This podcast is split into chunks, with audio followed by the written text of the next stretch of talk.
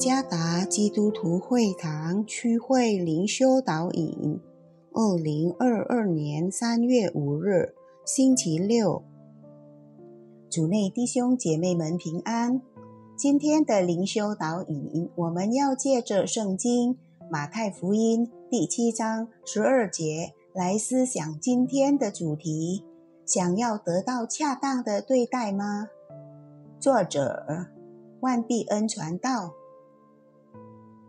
马太福音第七章十二节，所以无论何事，你们愿意人怎样待你们，你们也要怎样待人，因为这就是律法和先知的道理。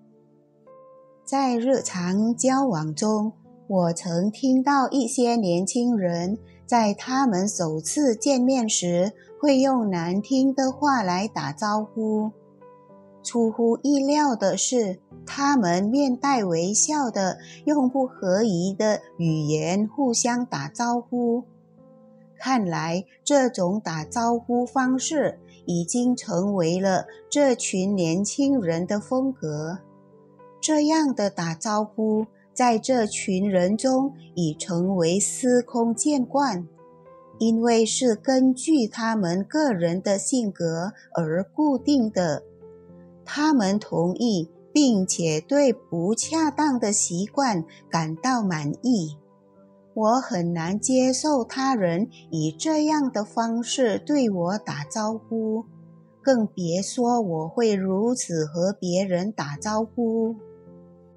今天的经文是所有律法和先知书的本质。试想一下。当我们如同别人恰当的对待我们那样去对待别人时，基督徒群体里会发生什么？一定是很美吧？主耶稣已先在罗马兵丁钉他的手和脚时实行出来。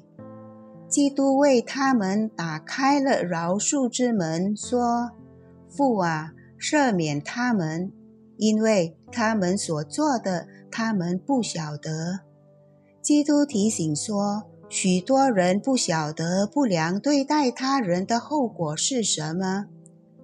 当我们对他人不好时，我们实际上是在允许他人以同样的方式对待我们。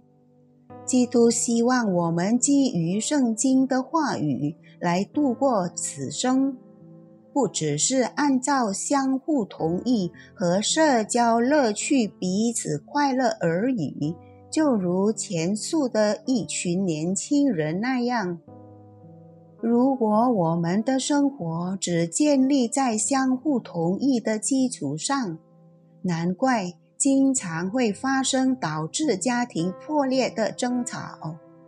家庭中的每个成员都不会致力于活出圣经的价值观，只基于仅限于寻找匹配的人类协议，还适合的时候感觉和平，但是当分歧出现时，就会失去和平，是这样吗？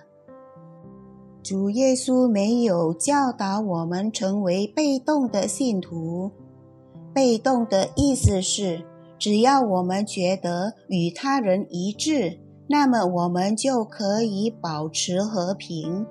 不是这样。基督教导我们成为他即使在分歧中也愿意带来和平的子民。主耶稣教导我们要始终恰当的对待别人，就好像我们希望别人对待我们的那样。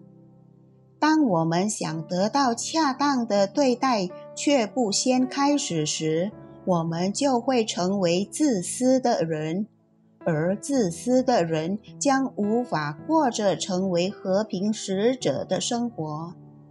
我们又如何呢？如同我们希望别人对待我们那样的去对待别人，将带来并维持和平。主耶稣赐福。